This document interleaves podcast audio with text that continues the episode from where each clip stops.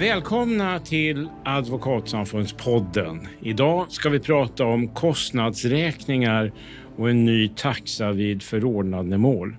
Det är väldigt många advokater som är kritiska och ett par av dem är Maria Adielsson och Jimmy Sköld och så är självklart samfundets generalsekreterare Mia Edvard Insulander här också. Varmt välkomna hit. Tack så mycket. Och jag som leder samtalet heter Lilly Silberstein. Mia, kan du pedagogiskt och rätt kort vill jag be dig, vad handlar det här om?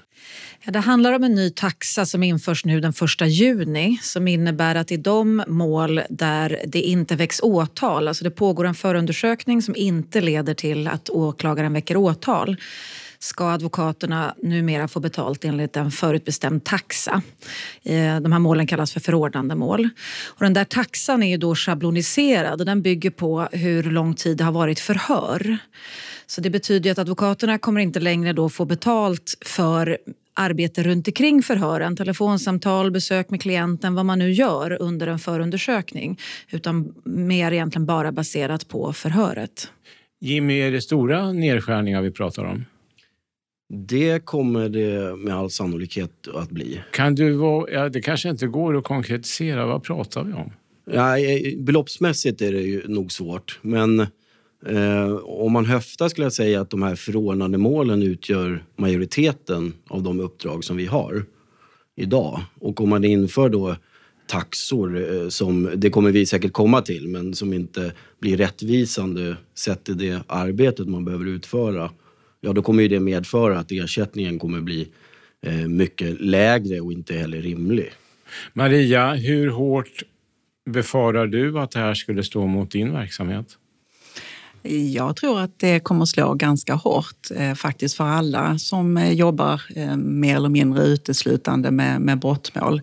Eh, det är svårt att säga hur stor andel av våra uppdrag som slutar med att förundersökningen läggs ner, men jag skulle säga att eh, eh ett antal procent, kanske någonstans mellan eh, 10-20 procent eh, läggs ner och då pratar vi om brottsmisstankar allt från stöld till mord. Så att det kommer absolut påverka verksamheten. Ja.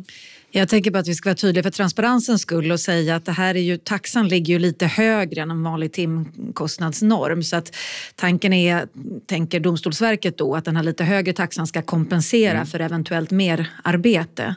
Men det som jag tänker är väldigt problematiskt är att det här ska ju tillämpas när det gäller alla mål, alla brottsrubriceringar. Eh, och vi vet ju inte riktigt, eh, alltså typiskt sett i ett mord så arbetar man antagligen mer antar jag, det vet ni bättre än jag, men under förundersökningen än vad man kan kanske gör i ett trafikbrott eller så. Så att i de målen så är risken väldigt mycket större att man inte får tillräckligt betalt än i andra mål. Det kan vara viktigt att bara säga det. Sen kommer det också finnas, eh, säger Domstolsverket också då vi har haft en dialog med dem, det finns en undantagsregel då som säger också att i mål där man har arbetat ovanligt mycket så kan advokaten yrka då eh, en annan typ av ersättning för att man har jobbat mycket och det undantaget vet vi inte riktigt än hur det kommer tillämpas. Nej. Och nu när vi bandar den här podden, det är slutet av maj och de nya reglerna träder i kraft 1 juni. Men jag hörde här i dagarna, Mia, att ni ska ha ett möte med Domstolsverket som har lagt fram det här förslaget till besparing. Ja, vi skickade ju en, en, den här protestskrivelsen till Domstolsverket där väldigt, väldigt många advokater hade, brottmålsadvokater hade skrivit under.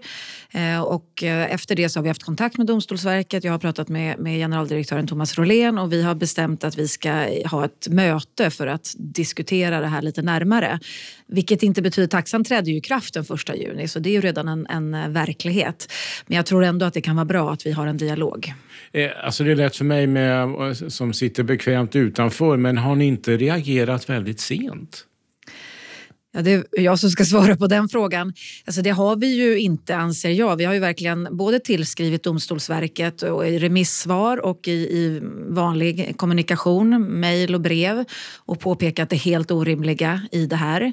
Eh, och vi har haft dialog med dem även, även på andra sätt, så att vi har försökt. Eh, men det har inte eh, lett till, till något eh, resultat, tyvärr. Maria, har du ändå förståelse för att eh, samhället måste spara pengar? För kostnaderna har ju ökat rätt mycket för det vi pratar om. Mm.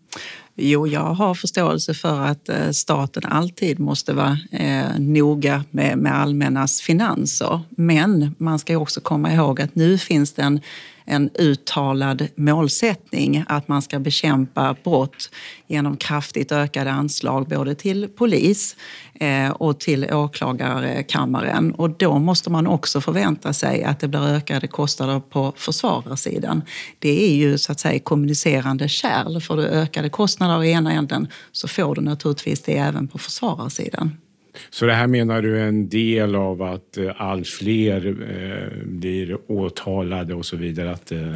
Ja, både att, att ja. fler blir åtalade men också tror jag att komplexiteten i den brottslighet som vi ser idag är ju helt annorlunda än den vi såg för 15 år sedan. Eh, dels är det ju eh, idag betydligt fler mål med internationell koppling eh, men också den tekniska utvecklingen har ju medfört att brottsligheten har blivit allt, allt mer avancerad och det kräver naturligtvis en större arbetsinsats även från försvararsidan. Jimmy, jag hörde att det till och med talas en del i advokatkåren om strejk. Berätta. Ja, eh, vi har inte kommit så långt att det finns någonting bestämt. Men eh, det finns diskussioner inom Stockholms försvararkollegium och jag har haft vissa kontakter med en del advokater i Göteborg som också har ett eh, försvararkollegium. Då. Eh, och då har ju vi sett att eh, det, här, den här typen av eh, nya regleringar som eh, försämrar villkoren för offentliga försvarare har införts också i andra länder ganska nyligen. Norge här senast och också faktiskt i Storbritannien, England och Wales. Och där har, ja, i, i Storbritannien är det ju barristers men i Norge då så har advokaterna också gått ut i strejk när de här, såna här typer av regler, skulle införas. Det hjälpte.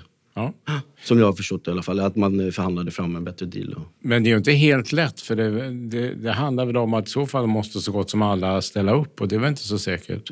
Exakt. Och där är min uppfattning att de är mer organiserade, advokatkåren, i de länderna som jag nämnde. Och eh, det kan finnas problem eh, här att få igenom det här i Sverige. Men vi, vi får se vad som händer helt enkelt. Mia, generalsekreterare för Advokaterna, vad säger du när du hör ordet strejk? Ja, generellt så tänker man ju att man vill inte att någonting ska behöva påverka klienterna negativt såklart. Det är ju den spontana tanken. Men jag tycker nog också på ett sätt att det kan vara viktigt att, att markera. Jag håller helt med både Maria och Jimmy i de här frågorna att det är högst problematiskt eh, och en rättssäkerhetsfråga för klienterna framför allt. Om advokaterna inte kan utföra sitt arbete med den nit och omsorg som, som de ska göra eh, och att klienterna inte får, får tillräcklig hjälp. Det är verkligen en rättssäkerhetsfråga man ska komma ihåg att alltså staten, polis och åklagare de har ju så otroligt mycket maktmedel och resurser att lägga på i förundersökningar. Och klienten är ju väldigt utlämnad och har bara sin advokat till hjälp.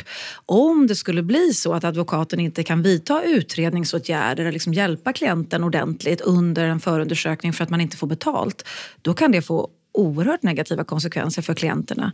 Och det är inte bara misstänkta ska vi komma ihåg, det är brottsoffer också. Det här gäller ju målsägande beträden också. Mm. Så att därför så på ett sätt tycker jag att det är, bra att man inom eh, kåren eh, pratar om de här frågorna och jag vet att man har strejkat faktiskt i Norge. Ja. Men kan du tänka dig att du kommer att vara strejkledare inom kort? ja, det är nog lite för tidigt eh, sagt kanske. Vi, vi får se. Men jag, jag, tror att det är väldigt viktigt att vi verkligen får upp den här frågan på, på ja. bordet. Ja. Samtidigt i skrivelsen från Domstolsverket så talar Thomas Rolén om att det också har varit oegentligheter, exempelvis i form av att ersättning yrkas trots att en sån rätt inte föreligger. Alltså ja, fusk med andra ord. Mm. Jimmy, är det vanligt med fusk?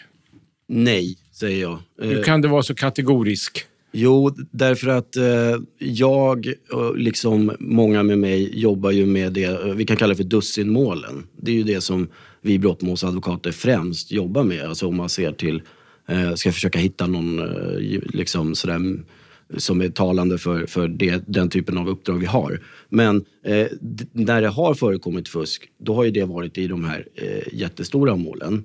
Och dessutom eh, det som det har rapporterats och skrivits mycket om, eh, de som faktiskt har agerat bedrägligt. Det har ju upptäckts och de är ju numera uteslutna också, de mm. advokaterna. Eh, så att eh, jag skulle säga att det, det, är klart att det förekommer säkert fusk i någon utsträckning men det är nog väldigt sällsynt. Det är min uppfattning. Maria, vad säger du? Ja, jag delar Jimmys uppfattning helt. Ehm, jag har ju suttit i brottmål i 20 års tid ehm, och jag kan säga att jag, jag har själv aldrig i någon räkning som jag har sett eller i någon dom noterat någonting som jag kan betrakta som, som fusk. Ehm, jag tror att det är ett, ett mycket litet antal och de personerna är ju numera inte längre advokater. Den stora massan tror jag absolut sköter Ehm, redovisning av sitt arbete på ett helt korrekt sätt. Och Mia, vad är din bild? Alltså, det är viktigt att komma ihåg att den främsta anledningen till att kostnaderna i sådana här förordnande mål har ökat, det beror ju på att antalet mål har ökat. Och då måste, precis som Maria var inne på tidigare, advokaterna måste också få kosta mer om vi har fler brottmål, mer större förundersökningar. Då följer det per automatik så att eh, det kostar mer även för advokaterna. Men sen vill jag också vara tydlig med att Domstolsverket har ju inte kunnat finna något belägg för att det faktiskt finns något utbrett fusk. Det har man inte kommit fram till utan tvärtom konstaterar man att det är ökat antal mål, svårare mål och så som har varit kostnadsdrivande. Men vilket inte betyder att det är klart det har förekommit i något fall men det är ingen utbredd problematik. Nej. Eh, vi lever i en tid då det är ekonomiskt kärvt även på en statlig nivå. Har ni någon förståelse för att man vill spara på en rad områden, att vård och omsorg och allt sånt här är viktigare och då måste även advokater vara med och ta en smäll så här. Maria? Ehm, det finns väl ett talesätt som heter eh, land ska med lag byggas. Jag tror att det är väldigt grundläggande eh, i ett rättssamhälle att det systemet får kosta. Och det måste få kosta på försvararsidan likväl som det kostar från domstolens sida, polisens sida och åklagarnas sida. Jag tror att um, det är inte där man ska börja spara pengar, även om det naturligtvis finns olika områden i ett samhälle som, som är viktiga. Mm, Jimmy, alltså om man Kommunerna är oerhört stressade, skolorna säger upp lärare och så vidare. Men du har ingen förståelse heller för en besparing alls på det här området? Eh, nej, och det, jag vet inte om jag ska lägga fram det på det viset. Och man kan ju också säga att det ena utesluter inte det andra. Jag tycker att det ska eh, tillskjutas mer pengar till, till kommun och, och sjukvård och landsting också. Men eh, man måste ju se till varför ska det sparas? Eh, behöver det sparas i, inom eh, eh, rättsväsendet om man ser till offentliga och rättsliga biträden. Eh, där är, saknas det ju en analys. Dels har man ju, eh, som Maria var inne på, har man ju inte tittat på varför kostnaderna för rättsliga biträden ökar. Man har bara konstaterat att de har ökat.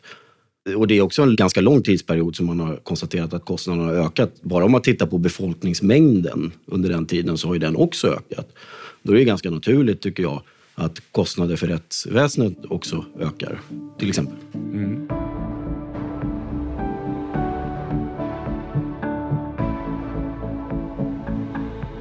Eh, Mia, det kan inte vara helt lätt kommunikationsmässigt att driva den här frågan. Bilden hos många är ändå flotta, dyra advokatkontor, advokater som är väldigt flott klädda och ger intryck av att de har väldigt höga inkomster. Eh, det är inte så lätt förmodar jag.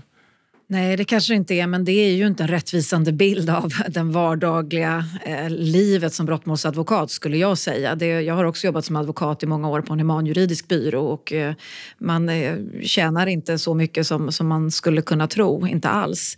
Man ska komma ihåg också att det som man då fakturerar eh, är ju inte direkt lön till advokaten utan man ska betala kontor och sekreterare och organisation och sådär. Så att det, det finns ju väldigt många kringkostnader som, som advokater har som man ska betala Men den ersättningen eh, man får.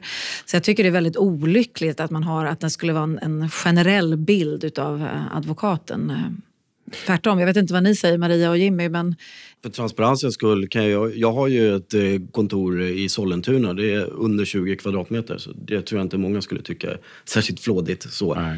Men, och, och, det är ju precis som Mia säger, att Eh, allmänhet, allmänheten har den bilden av att det är jätteflådigt och, och att vi har det väldigt gott ställt liksom, som brottmålsadvokat. Och man kan tjäna eh, mycket pengar, absolut, så är det. Men det är inte så överdrivet eh, som man kan tro. Och dessutom Eh, som för min del, jag, jag är själv i min byrå och det är ganska många i, i branschen, i brottmålsbranschen som har egna byråer. Eh, och då måste man ju, då, kostnaderna blir ju mer påtagliga då om man är ensam också. Så då måste man ju hålla ner eh, till exempel lokalkostnader eller andra kringkostnader för att kunna få en, en vettig lön. Och, och eh, nu är det ju så här, man måste ju också vara realistisk. att Eh, om man nu eh, ska vara advokat och, och jobba med sådana viktiga frågor som rätts, rättssäkerhetsfrågor inom brottmål och föret, eh, försvara och företräda enskilda då bör det ju rimligen vara så att den eh, inkomsten ska kunna stå i paritet med till exempel vad domare tjänar eller åklagare tjänar och så. Eh, och det ska jag säga att bara att nå upp till den nivån är ganska svårt idag. Mm. Eh, och egentligen och det tror jag redan har nämnts lite här, men den stora förloraren kanske inte är advokaterna utan i slutändan klienterna. Är det stor risk att de kommer att verkligen lida av det här, känna av det, Maria? Eh, jag tror definitivt att de kommer att känna av det. Jag tror att ehm, eh, om den här taxan får fortsätta och advokater upplever på sikt att man inte får betalt för det arbete som man utför så tror jag att advokater tvingas dra ner på Eh, alla de åtgärder som man gör utanför förhörstiden. Och det innefattar ju att eh, träffa klienten innan man går på förhör för att gå igenom hur ett förhör går till. Eh, att gå igenom rättigheter och skyldigheter vid ett förhör, att förklara den juridiska frågeställningen vid det förhör som ska äga rum. Ehm, och sen såklart efteråt gå igenom med klienten igen eh, hur förhöret gick och vad man har för tankar och funderingar efter det, vad som kommer hända härnäst. Eh, och allt det arbetet kommer vi ju då tvingas dra ner på om inte vi får en rimlig ersättning för det. Och det är inte och, så att lojaliteten med klienten ändå är så stark som man tänker okej, okay, nu förlorar jag på det här, men jag tar ett samtal före förhöret och efter och så vidare. Eller måste man vara mera strikt tror du? Jag tror att ehm, eh, advokaters lojalitet mot eh, både klienten och det uppdrag som man har fått från, från domstolen, den är väldigt stor. Men det finns naturligtvis en gräns för den och jag tror att det som kan hända, riskerar hända, är ju att advokaten tvingas förskjuta sitt arbete till efter att åtal har väckts. Eh, och det tror jag att hela processen kommer att lida av. Därför att då kan vi ju landa i att man väcker åtal i, i mål där det aldrig skulle väckts åtal. Det kanske blir rättegångar som är helt onödiga och sett ur ett samhällsperspektiv så är det ju mycket dyrare än att advokaten får skäligt betalt för det arbete som vi då kan lägga ner inledningsvis och som kanske hade förhindrat ett onödigt åtal. Men hur menar du att det riskerar att bli fler rättegångar? Onödiga rättegångar. Det vill säga där ja. man ser att, att den här personen borde aldrig blivit åtalad. Om var, varför om, skulle det bli så? Ja, därför att om advokaten inte kan lägga ner det arbete som man bör göra redan inledningsvis, för vi får inte betalt för det, utan vi förskjuter det arbetet till efter att åtal har väckts. Då har vi fått ett onödigt åtal och en, en process som aldrig hade behövt äga rum, för vi hade kunnat stoppa det tidigare. Vad säger du Jimmy? Ja, eh, som ett tillägg där, jag håller med helt och hållet. Och, eh, man får inte glömma heller att vi har eh, taxemål redan idag i ett annat avseende.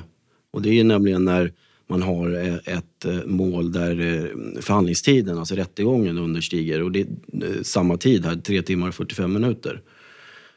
Och även, vi får höra vad Maria säger, men min uppfattning är också att redan där har varit så att det är rena förlustaffären för oss. Eh, därför att då, och då gör man ju redan de här sakerna som du nämnde, Wille, att man tar kontakt med klienten, man har möten med klienten. Du tror att man ändå kommer att, av lojalitet och Ja, man är så van att göra allt för sin klient. Det kommer man ju och det har varit möjligt att göra det hittills ja. och jobba gratis i den delen. Men nu lägger man ju på det ytterligare på kanske en tredjedel eller kanske till och med hälften av våra eh, resterande uppdrag. Då finns det inget utrymme kvar för det här gratisarbetet om man nu ska överleva med sin verksamhet. Mm, Mia, du, du företräder ju alla advokater. Vad, vad, vad, är din bild? Ja, alltså, som komplement till det som ni säger nu så tycker jag också man ska lägga till, väldigt problematiskt tycker jag att vi inte vet vilka, hur förordnandemålen ser ut. Vi har bett Domstolsverket om statistik för det är ju också säkert en stor skillnad på olika typer av mål beroende på vad det handlar om för brottsrubricering och så. Eh, och sen alla brottsoffer, jag kan tycka att vi tappar bort här också att det blir lätt att bara prata om de som är misstänkta men tänk alla brottsoffer, om man varit utsatt för en våldtäkt, alltså det, det är också de kommer att drabbas drabbas väldigt mycket här. Så att det är i vart fall en sån sak som jag gärna skulle vilja ha från Domstolsverket. Okej, okay, men alla förordnandemål som då har ökat, vilken typ av, av mål är det? Och, och hur, hur, det kommer att kunna visa, tror jag, tydligare hur, eh, hur stora eh, minskade liksom, intäkter och så det kommer att bli för advokaterna. Och samtidigt så kan vi ju se att det blir allt vanligare med prutade kostnadsräkningar i brottmål. Varför är det så? Eh, jag kan hoppa in där. Eh, därför att av en händelse så var det ju så att eh, jag tillsammans med ett gäng kollegor då i Stockholms försvararkollegium skrev ju faktiskt ett brev till samfundet här i mars. Och det var ju innan det var känt för oss att de nya reglerna skulle införas nu första juni när det gäller taxor i frånandemål. Och anledningen till det brevet var att vi hade noterat en utveckling som inleddes under förra året Eh, här i Stockholm där det, blir, eh, det var fråga om generella prutningar eh, och godtyckliga prutningar. Och jag märkte ju det här för mig själv. Jag har aldrig varit med om det tidigare. Alltså jag i princip aldrig blivit prutad på när det är sådana här vanliga dussinmål om vi kallar det för det. Och hörde av mig till kollegorna och så var det ju, alla har upplevt samma sak då. Eh, och, och, därför så skrev vi ju eh, till, till samfundet då, om den här saken och sen blev det känt med att det också skulle införas som nya reglerna. Och, och, och anledningen till att eh, de här prutningarna, om vi ska kalla det för det, inleddes, det tror ju vi har att göra med Riksrevisionens rapport som kom i oktober 2021. Och bara en mening, vad handlade den rapporten om? De hade granskat eh, ersättningen till rättsliga biträden i brottmål. Och noterat en stor ökning? Ja, stor. 15 procent under mm. en treårsperiod. Eh, och, och, som jag minns nu från huvudet då, mm. 2008, eh, 2018 till 2020. Och, ehm, och, och, och slutsatsen var eh, enligt Riksrevisionen att domstolarna är undermåliga i sina kontroller och kostnadsräkningar. Så att kritiken var riktad till domstolarna att man inte granskar kostnadsräkningar ordentligt. Men Jimmy, om du är lite självkritisk och kårens vägnar, har man ändå saltat lite grann? Eh, om jag ska vara helt ärlig och självkritisk, eh, ja, det förekommer säkert i de stora målen. Och när jag säger de stora målen, då menar jag de jättestora målen. Alltså mm. väldigt komplexa brottmålen där man har kanske huvudförhandling i flera veckor. Och där det måste vara mycket svårare att kontrollera eh, räkningar? Ja, och, och, och här kan jag dra några eh, faktiska exempel. För att det händer ju även att jag sitter i en del stora mål. Det är inte så jätteofta, men det är någon eller ett par gånger per år. Eh, och då ser man ibland vissa kollegor har kanske en rad i kostnadsräkningen. Det står så här, eh, genomgång av förundersökningsprotokoll, 300 timmar. Inte någon datumangivelse eller någonting eller eh, närmare beskrivning vad det arbetet har inneburit och sådär. Och det tycker jag inte är okej okay, och det förstår jag. Mm. Att man motsätter sig. Men det är inte det som den här rapporten har handlat om eller kritiken om. Mm. Mia, vad säger du? Det har väl funnits en slags praxis att man ska ta ett visst antal minuter per sida i förundersökningsprotokollet. Eh, och då har det blivit en slags schablon som man använt sig av. Att jag har alltid rätt till vad är det, två eller tre minuter per sida. Ja. Mm. Eh, och så har man tyckt att man alltid har eh, haft rätt till det.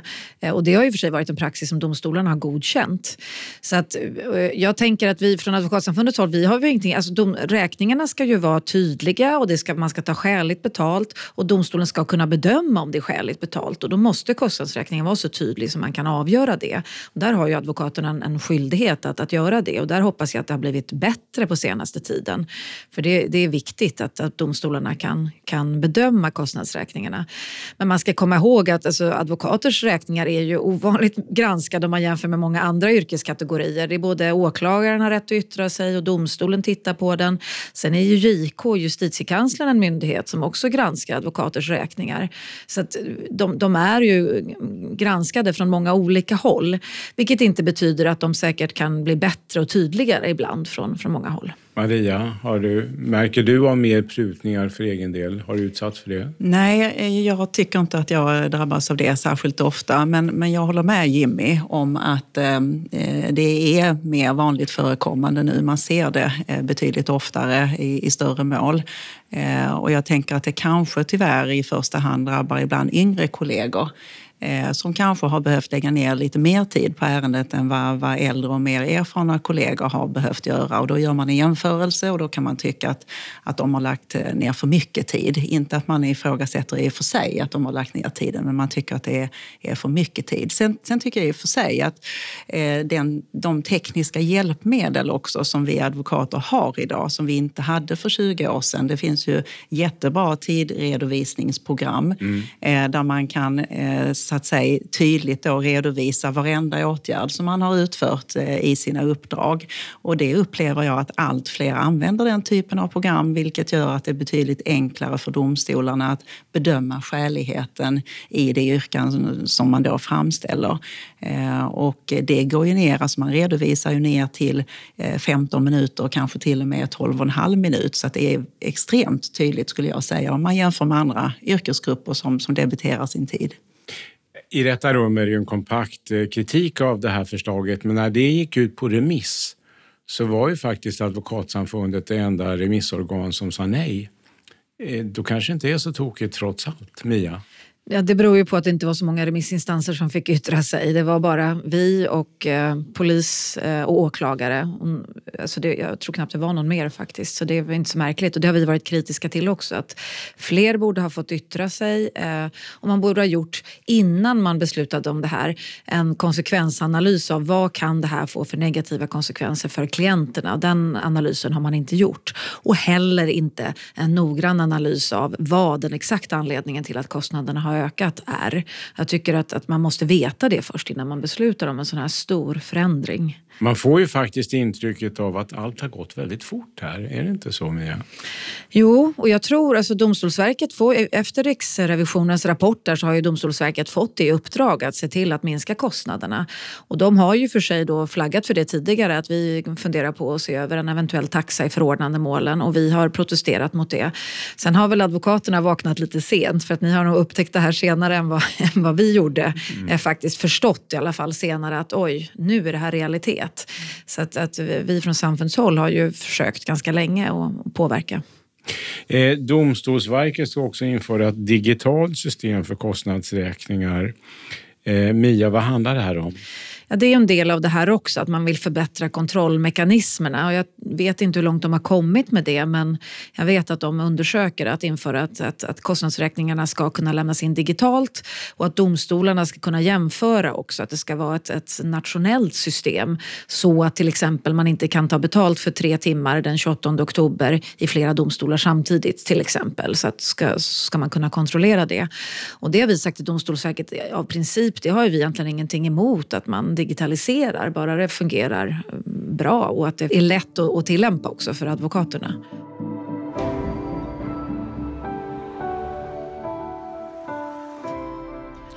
Och i sin Cantwell skrev i Aftonbladet för inte så länge sedan att han inte kan frigöra sig från misstanken om att myndigheter cyniskt utnyttjar de senaste årens debatt om skurkadvokater för att baxa igenom det. Vad, vad säger ni, Jimmy? Eh, ja, nu är han ju journalist och använder liksom hårda ord med flit tror jag. För att man kan ju framstå som kanske lite av en foliehatt om jag skulle ge honom medhåll helt och hållet. Men han var väl på er sida hela den här frågan tror jag? Jo, jo jag menar just men att myndigheterna cyniskt liksom skulle ja. sätta sig ner och ha en, en, en, plan om att nu ska vi liksom klämma åt advokaterna här. Liksom. Det tror jag inte. Men däremot så, alltså jag håller med honom i mm. slutsatsen att jag tror att man utnyttjar det här rådande opinionsläget som, som gäller nu. Att det är lätt att få igenom sådana här regler. Eh, men jag tror inte att det finns någon konspiration eller så. Utan det, men det är visst, det, vi är ju alla människor och det har säkert påverkat eh, Domstolsverkets generaldirektör att han vet att det här kommer jag få igenom ganska lätt nu. Liksom så. Mia? Nej, men jag håller med. Jag tycker det är bra att journalister också skriver och bevakar om det här så att det inte bara är, är vi. Det är väl, väl jättebra. Men, men det är klart att i, med anledning av att det skrivs så mycket om det i media så blir väl domstolarna påverkade och mera Eh, tänker oftare på, vänta nu, bör och kan vi pruta här på något sätt? Faran med det är ju, alltså jag brukar ju säga att, att det är ju advokaten som faktiskt bäst vet vilken tid som behöver läggas ner och det är inte så populärt att säga det heller. Men det är faktiskt så, för det är advokaten som träffar klienten. Det är advokaten som vet vad klienten förstår och inte förstår. Så advokaten kan bäst bedöma det, att i det här fallet behövde jag en och en halv timme för att förklara för klienten hur ett förhör går till. Det räckte inte med en timme. Då blir det väldigt, det kan vara en farlig utveckling där domstolarna på sin kammare då säger att nej men det tycker inte vi var skäligt, det borde du ha klarat av på en timme och då kanske inte klienten hade förstått. Så att då får det återigen en väldigt negativ konsekvens för klienten och det är inte, det är rättsosäkert. Okej, okay, eh, det är vi i slutet av maj eh, när vi gör den här podden som jag nyss sa. Vad kommer det hända nu, Mia? Ja, jag, alltså jag kan börja den här eh, ändrade taxan den träder ju i kraft nu första juni ja. så det kan vi tyvärr inte påverka. Eh, vi får se om advokater vidtar egna åtgärder eller hur vi ska göra med det. Vi ska fortsätta dialogen med Domstolsverket och i vart fall verkligen försöka få till en utvärdering av det här så att vi ser hur det drabbar och hur det slår. Men en sen, utvärdering tar ju tid alltså? Ja, och det har väl vi för sig framfört till Domstolsverket att det får inte ta för lång tid. Det här kommer ju, alltså förordnanden sker ju varje dag hela tiden så att vi kommer att kunna kunna märka ganska snabbt tror jag i och för sig om vi pratar med advokaterna hur det, hur det slår. Maria, vad tror du? Nej, jag håller med Mia. Jag tror att eh, nu kickar det här igång och det kan vi inte göra så väldigt mycket åt. Och jag tror att vi ganska snabbt kommer eh, märka i, i de olika målen eh, hur det här drabbar och, och, hur mycket arbete man då upplever att man har lagt ner utan att få betalt för. Eh, och är det så att det här blir eh, kännbart och märkbart så, så, tror jag nog att det finns en mycket stor andel av landets brottmålsadvokater som är, är villiga att, att göra någonting. Ehm, jag tror att vi pratade om strejk tidigare. Det skulle kunna vara ett sätt att sätta fokus på betydelsen av, av vårt arbete. Om vi till exempel sa att vi tar inga uppdrag för anhållna under en veckas tid då skulle ju hela rättsapparaten stanna upp och det skulle också visa vikten av vårt arbete och att vi får skälig ersättning för det arbete vi lägger ner. Jimmy, tror du att många kommer att lämna brottmålskarriären och göra något annat inom eh, advokatområdet? Ja, om det här nu står sig och eh, reglerna får den effekt som vi befarar eh, så tror jag att det är två saker som kommer inträffa. Dels det du tar upp då, att Eh, de som är verksamma inom brottmål, brottmålsadvokater kommer säkerligen eh, åta sig uppdrag inom andra områden istället. Då, inom humanjuridiken främst då kanske, eh, familjerätt eller migrationsrätt och sådär. Eller att man kanske får bredda sig och ta liksom, väldigt mycket, många saker och det har ju sina negativa effekter också men kanske inte behöver gå in på just nu. Sen led två, vilket förmodligen kommer bli alternativet för mig, det är att fler kommer gå över till att ta uppdrag som privatförsvarare enbart. Och det inne, förklara för alla som inte är inne i den här sfären, vad, vad, betyder det? Det innebär att eh, då blir man inte förordnad som offentlig försvarare där staten i första hand står för, för arvodet, utan då får klienten betala själv ur egen ficka. Och, och, och det, det, kan oundvikligen tyvärr bli så och jag hoppas att det inte blir så för att då innebär det också att försvar, gott försvar kan bli en klassfråga. Mm. Att det är den som har pengar som har råd att anlita försvarare. Som det, läget är i många andra länder. Hur mycket dyrare blir det om man eh, går privat till en advokat? Det, det är olika, men det behöver inte bli dyrare. För att, eh, och jag åtar mig redan idag i ganska stor utsträckning privata uppdrag, men jag, jag kör ju både och. Då. Men då erbjuder jag, idag i alla fall, så erbjuder jag samma taxa som gäller i ett offentligt uppdrag. Och med taxa menar jag timtaxa då, inte mm. enligt någon taxetabell. Mia, är du orolig för en sån utveckling, att det blir mer privata? Ja, det är definitivt som Jimmy säger att det kan bli en klassfråga och det är ju helt oacceptabelt egentligen om det skulle bli så. För det är ju en sån grundläggande rättssäkerhetsregel att alla ska behandlas lika inför lagen och alla ska ha rätt till ett försvar. Så att därför är det så viktigt att vi håller koll på det här nu och ser hur det utvecklas. Får jag fråga också Mia, är din bild att Domstolsverket verkligen vill lyssna och gå er till mötes eller verkar de ha bundit sig vid masten att nu är det den här ordningen som gäller och nu ska mycket till för att vi ska ändra oss? Alltså jag, jag är glad för den här dialogen i och för sig vi har nu men, men jag tycker ju att det har gått för fort och för förenklat och utan tillräcklig beredning. Så att det där är jag ganska kritisk till hur det har kunnat hanteras på det viset.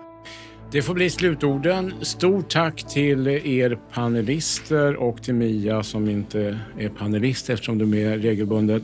Tack ska ni ha. Tack så mycket. Tack. Stort tack till er som lyssnar.